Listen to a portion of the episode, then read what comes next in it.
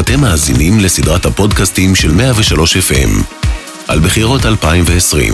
103 ועכשיו, בן כספית ואריה אלדד מנהלים משברים. שלום לך אריה. שלום. תשמע, משעמם לנו, אז אנחנו נעשה עכשיו פרק ראשון בסדרת פודקאסטים מיוחדת על משברים פוליטיים דרמטיים וגדולים בהיסטוריה הפוליטית הדרמטית של מדינתנו הקטנטונת. אתה בעד?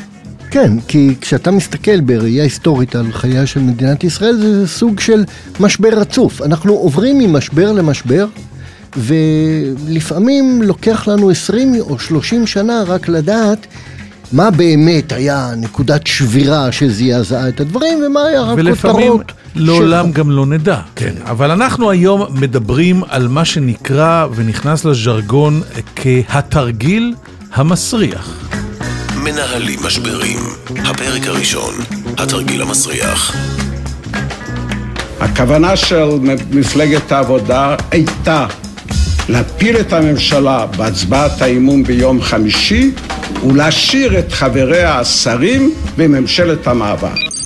אנחנו מדברים על תחילת 1990, אנחנו בממשלת אחדות לאומית שנייה בראשותו של יצחק שמיר, יחד המערך קראו לזה פעם, עם הליכוד, שמיר ראש ממשלה, רבין ופרס שרים בכירים, נדמה לי שפרס אוצר ורבין ביטחון, נכון? כן, הוטל עליי תפקיד ואני אמלא אותו, ללא היסוסים וללא סטיות. עכשיו, יש עוד דבר שקורה, יש הצעת שלום אמריקאית, לא, כן, כן, פרס שר אוצר. פרס ורבין האוצר ביטחון. ורבין נכון, נכון. ביטחון.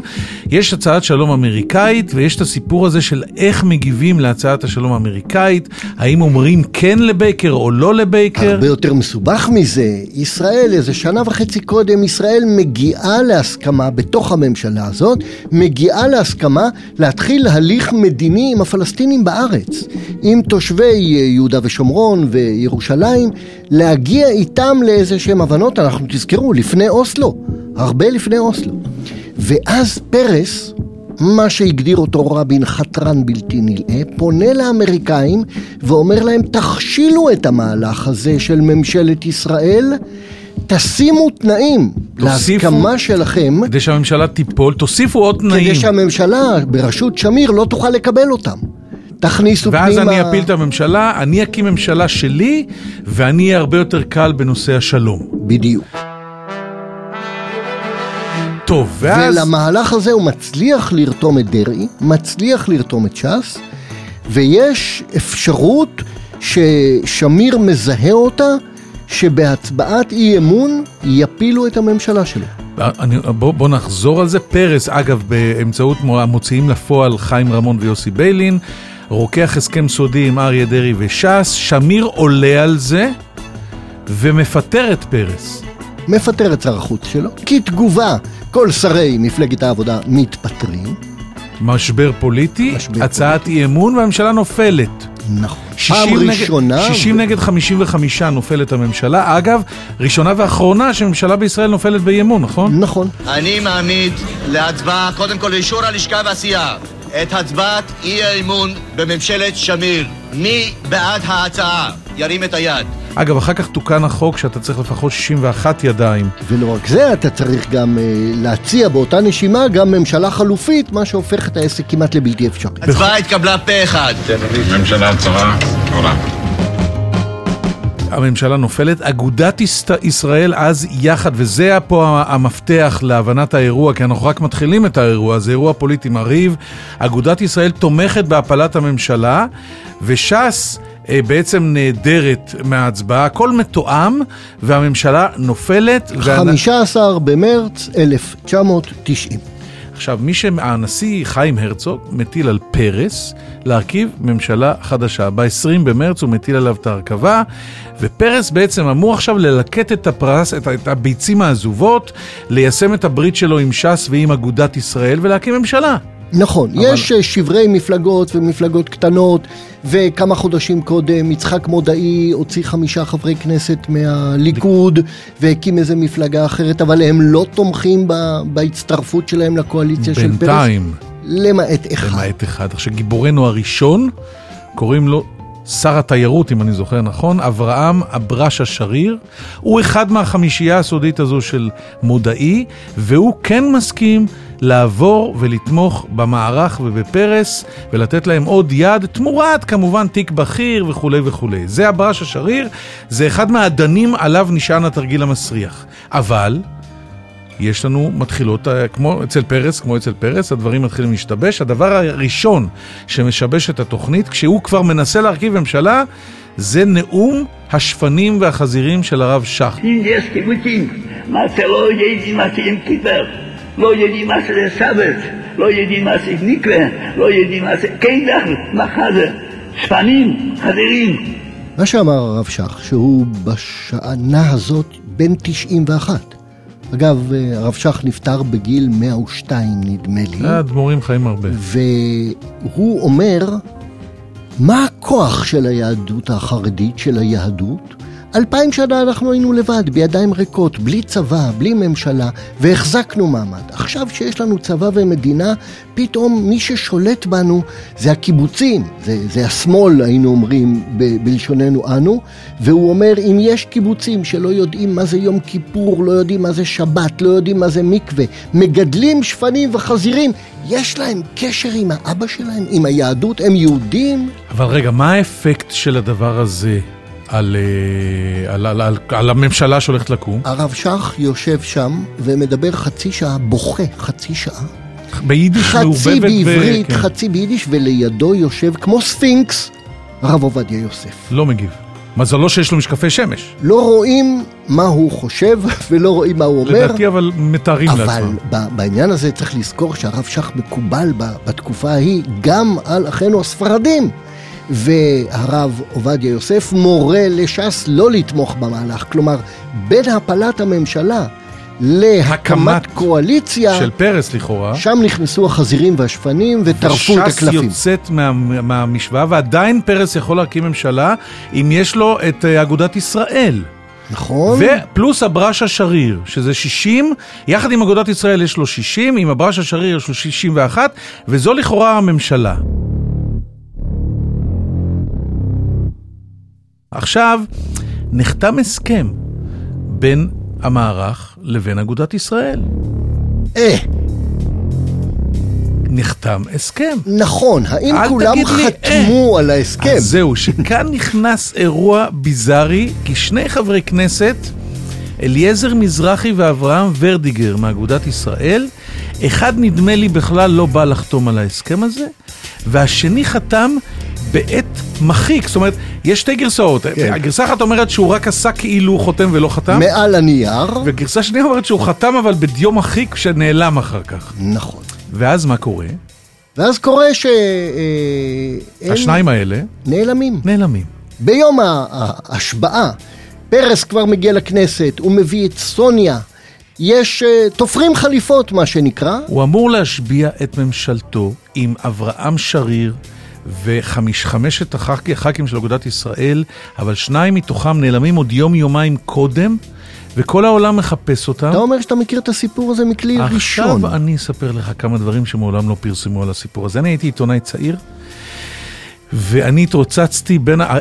היו כל מיני מוקדים. אגב, יש עוד אירוע, וזה האירוע של אפרים גור, שהיה בכלל איש מערך במקור, ובמקביל... הליכוד גורר אותו לצד שלהם, מבטיחים לו הבטחות, אל- לזה נלך בסוף. אפרים גור בעצם עורך, חוצה את הקווים הפוך בתרגיל המסריח, תמורת הבטחה, כל מיני הבטחות משמיר לכאורה. אבל אליעזר מזרחי, נדמה לי, גר בלוד, וורדיגר גר באיזשהו מושב אה, באזור אשדוד שם, ואני מוצא את עצמי כעיתונאי מול הבתים שלהם בלילות, יחד עם הרבה עיתונאים. יש דרמה מטורפת, כי אגודת ישראל, שחתומה על ההסכם, שולחת מלא חסידים ו- ו- ו- וחרדים שיפגינו מול הבית שלהם ויגידו להם לה- לעמוד בהסכם. ומה עושה שמיר, אריה?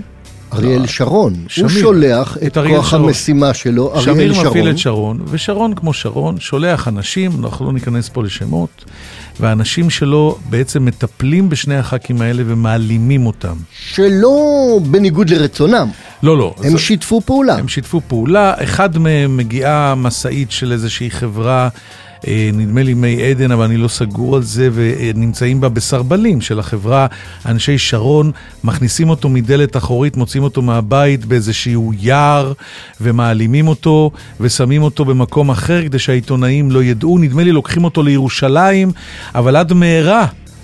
השמועה עוברת והחסידים מגיעים גם לביתו בירושלים, ואשתו מתקשרת משם לשמיר, שמתקשר לשרון, שמתקשר לאנשים שלו, שמזמינים משטרה, ואחד האנשים האלה סיפר לי, שאומר, אני נשאר איתך על הקו, היה מפקד מחוז אז מקורב לליכוד במשטרת ירושלים, עד שאני שומע את הסירנות של המשטרה, הכל כדי לעזור לשני הח"כים האלה, לעמוד בלחץ שמפעילה עליהם המפלגה שלהם. עכשיו, ספר לי אתה בעצם, למה הם לא מוכנים לחתום השניים האלה? כי בנוסף למה שאמר אה, הרב שך, ובעקבותיו הרב עובדיה יוסף, שזה היה משקל מוסרי גדול, שאסור לעשור, לעזור לשמאל להפיל את הממשלה, כי הם באמת ניתקו משורשיהם היהודים, הרבי מלובביץ' מתערב. הלובביצ'ר התערב פה בדקה ה-90, וזו ההתערבות המכרעת, נכון? כן, כי הם שניהם, גם אם הם לא חסידי חב"ד, הם מכבדים מאוד את הסמכות הרוחנית שלו. וההתערבות שלו משכנעת אותם להיעלם ולא להגיע להצבעה. ויש אומרים שגם החביאו אותם בפרדס, והם צריכים להודות לקדוש ברוך הוא, כי פעם שעברה שהרוויזיוניסטים לקחו שניים והחביאו אותם בפרדס, מצאו אותם לא תלויים לא אחר טוב. כך. אגב, גם את אפרים גור החביאו אז באיזה פרדס הצד השני, כי לאפרים גור, הוא טען ששמיר הבטיח לו להיות שר, ואז הוא מוכן לעבור מהמערך לליכוד. התחילו לבדוק אם שמיר באמת הבטיח לו להיות שר, בסוף התברר שזה לא שמיר, אלא דוד מגן. נכון, המאזינים צריכים גם להבין שזו תקופה שהפרדסים עוד שגשגו בארץ. עוד היו פרדסים. יש איפה להחביא פוליטיקאים.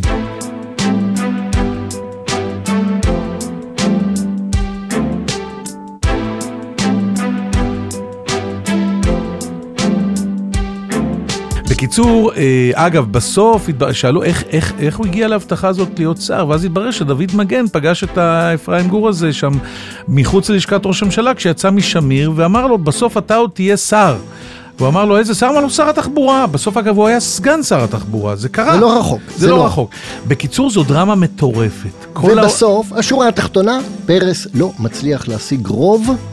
והוא מתקפל מול מליאת הכנסת. אבל זה לא, אתה אומר את זה בשורה אחת. פה פרס סבל הרבה, זה לא בשורה אחת. כן. כי, כמו שאמרת מקודם, סוניה פרס לראשונה מוכנה להיכנס לאירוע הזה ולמה שנקרא תפירת חליפות, ועולה יחד עם שמעון פרס לכנסת למעמד השבעת הממשלה.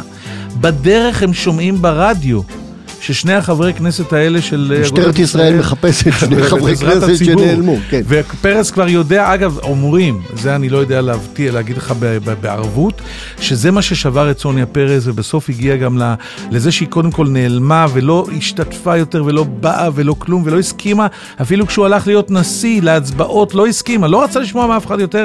ההשפלה הזו אה, אה, גרמה לה באמת לאבד את זה, ומה שפרס עושה אז, הוא בעצם מקבל מחיים הרצוג. הוא מבקש. אורכה.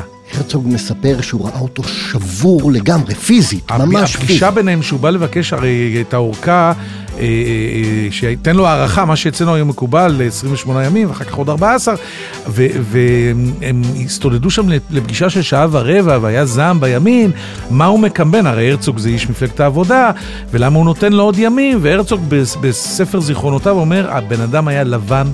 תשוש, על סף התעלפות, הוא כבר ראה את עצמו ראש ממשלה, מגשים את חלומו, אחרי שהיה בממשלת הרוטציה הקודמת שנתיים ראש ממשלה, קיבל עוד 15 ימים ולא הצליח. ודאי שאחרים יותר פופולריים ממני.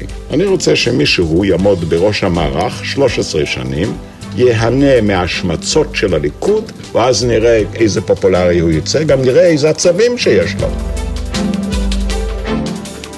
לא הצליח, ואז אה, שמיר, במהלך מהיר יחסית, שנכנס להיסטוריה בכותרת, אברשה שוב הביתה. אז תקשיב, אני גם שם אני הייתי, הרי אני הייתי זריז הרגליים של מעריב, אז שלחו אותי לכל מקום, ואני זוכר אותנו עומדים ברמת אביב, מול הבית של אברהם שריר, כשיש נאום שמיר, אברשה שוב הביתה. תחזור אלינו, זה לא מצליח, כאילו שמיר מנסה בעצם אה, לדפוק את המסמר האחרון בארון של פרס, להחזיר גם את, את שריר אליו ל, ל, לליכוד, ובעצם אה, לפייד את פרס. אגב, אני זוכר שאנחנו שם מול הבית, ואני דופק בדלת של אחד השכנים, של בית פרטי, אני לא זוכר למה דפקתי בדלת. מה הייתי צריך? פותחת לי את הדלת רבקה מיכאלי. אני זוכר שהתפוצצתי מצחוק, היא גרה שם באמת. אוקיי. אה, בקיצור, בקיצור, אברשה שב הביתה. עבר שב הביתה, אפרים גור נהיה סגן שר, פרס לא הקים ממשלה. בוא נשמע... שמיר מרכיב ממשלה, אבל הוא לא רק דוקר את פרס, הוא גם מסובב את הסכין. חבר הכנסת פרס דיבר היום על יום עצוב, עצוב לו. אני מבין אותו.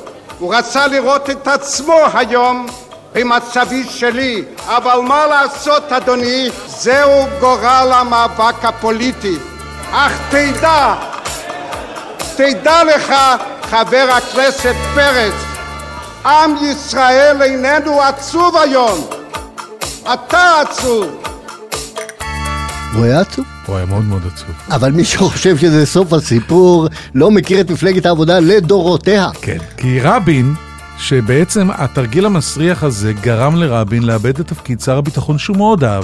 באמת, רבין בצבא הרגיש כמו דג במים, הוא היה שר ביטחון, הוא היה שר ביטחון ממלכתי, והוא היה מבסוט מהחיים. והנה פרס בתככים האלה וב, ובשגיונות האלה, ומנסה, מפיל ממשלה, מקים ממשלה, אז מה אתה רוצה לשמוע קודם? את מה שרבין אומר על פרס, או מה שפרס אומר על רבין? צריך לזכור שאת ה- המותג, התרגיל המסריח, יוצר יצחק רבין. כי הוא ממנף את הכישלון הזה של פרס כדי להיאבק בו על ראשות מפלגת העבודה. והוא גם בסופו של דבר מנצח בהתמודדות הזאת.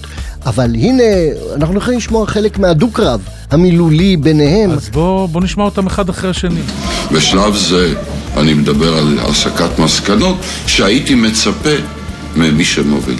אני הסקתי את המסקנות. המסקנות הן שנמשיך להיאבק למען הדרך. גם, אה, דרך אגב, מר רבין עשה כמה דברים. בלי ידיעתי, אני לא אומר את זה בטרוניה, ואני לא מחפש את מר רבין להתחלק איתי בהאשמות. אני לוקח את זה על עצמי, ואני אסביר את זה לחברי המפלגה ולציבור.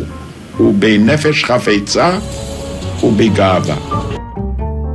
בנפש חפצה. או הם היו מנומסים, אבל כשרבין לא מהסס ומאשים את פרס אישית בכישלון הזה של התרגיל המסריח, פרס מתפוצץ עליו. אתה רוצה לשמוע את זה? יש לנו את זה? ודאי, יאללה. ודאי. אם היה כישלון, יצחק רבין הוא שותף מלא, צעד אחרי צעד, לכל הכישלון הזה. כאילו...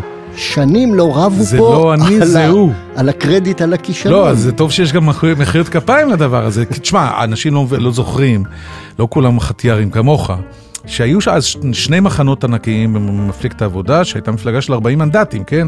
מחנה רבין... היה על מה לריב. היה על מה לריב. מחנה רבין, מחנה פרס, בדרך כלל מחנה רבין היה מפסיד. פרס אה, היה יושב ראש הנצחי של המפלגה הזו. אני חושב, תקן אותי אם אני טועה, אריה, שהתרגיל המסריח זה בעצם המסמר האחרון באמת בארון של פרס כיושב ראש מפלגת העבודה, ובפריימריז שהיו אחר כך, כשממשלת שמיר נופלת ב-92, רבין מנצח, והוא הופך לראש הממשלה בעצם, ומביא על עצמו מוביל את את מותו. תהליך אוסלו ומביא עליו את מותו. כן, הוא התאבד, לא? מה זה, מה, איך ש... כן, מה? ככל שאני זוכר. בכיכר שם. כן. תשמע, אחר כך גם רבין, רגע, הוא כתב את פנקס שירות לפני או אחרי? לא זוכר מתי הוא כתב, כי אבל... הוא אה, מכנה את פרס בשם חתרן בלתי נלאה. חתרן בלתי נלאה, זה לא רק התרגיל המסריח, זה, אה, יש לו קופה שלמה של תרגילים שהוא האשים את פרס ברקימתם ורכיחתם. אה, אה, מה שדיברנו קודם, שהוא פעל אצל האמריקאים כדי להכשיל את הממשלה, היה דוגמה אחת פנקס. שירות זה 79, זאת אומרת, אה, הרבה הרבה קודם. קודם, זאת אומרת שפרס היה חתרן בלתי נלאה מלכתחילה. כן. ורבין בעצם, אני חושב שרבין בסוף כן גזר כן, את הם הקופון על הדבר הזה. אבל הם הגיעו להשלמה, הם הגיעו להסכמות, הם הגיעו להבנות. תשמע, אנחנו מסיימים, אני זוכר אה, בסוף את הרקביים, זאת אומרת את ה- את שירת הברבור, כך שהם הלכו לאוסלו, בעצם פרס לוקח את רבין לאוסלו, אבל בחצי שנה האחרונה לחייו של רבין היה לו סוג של ירח דבש עם פרס. כן, כן. הם אה, כאילו התחיל, אני כאילו, חושב שהוא העריך את המהלך המדיני שלו באוסלו, וגם אם הוא לא התלהב ממנו, הוא בסופו של דבר תמך. הם גם היו שני אנשים כבר ב-70's שלהם, בשנות ה-70 שלהם, כבר הם הבינו שזמן הסיכון... סיכומים מתקרב, למרות שפרס עוד לא ידע שיש לו עוד 20 שנה בק- בקריירה הפוליטית, לעשות סיכומים. וזה הביא להם סוג של, אה, סוג של שירת ברבור. בכל המקרה, המונח התרגיל המסריח, אני חושב שהוא ראוי לשמו, זה תרגיל אה, פוליטי מאוד מסריח שלא צלח. פרס אמר עליו, אם זה היה מצליח, אז הוא היה התרגיל המריח. אני יודע, למרות כל מה שאומרים, שמאות אלפי אנשים התפללו בליבם שמה שנקרא התרגיל הזה או האחר יעלה המצליח, אמר יפה. יצחק רבין. כי אני לא היה מצליח, אגב, זה היה תרגיל מריח. ועכשיו, בן כספית ואריה אלדד מנהלים משברים. טוב, תודה רבה לך ונתראה בפודקאסט הבא. יש עוד הרבה משברים. בחירות 2020, כל הפודקאסטים שלנו, עכשיו בדיגיטל של 103 FM. 103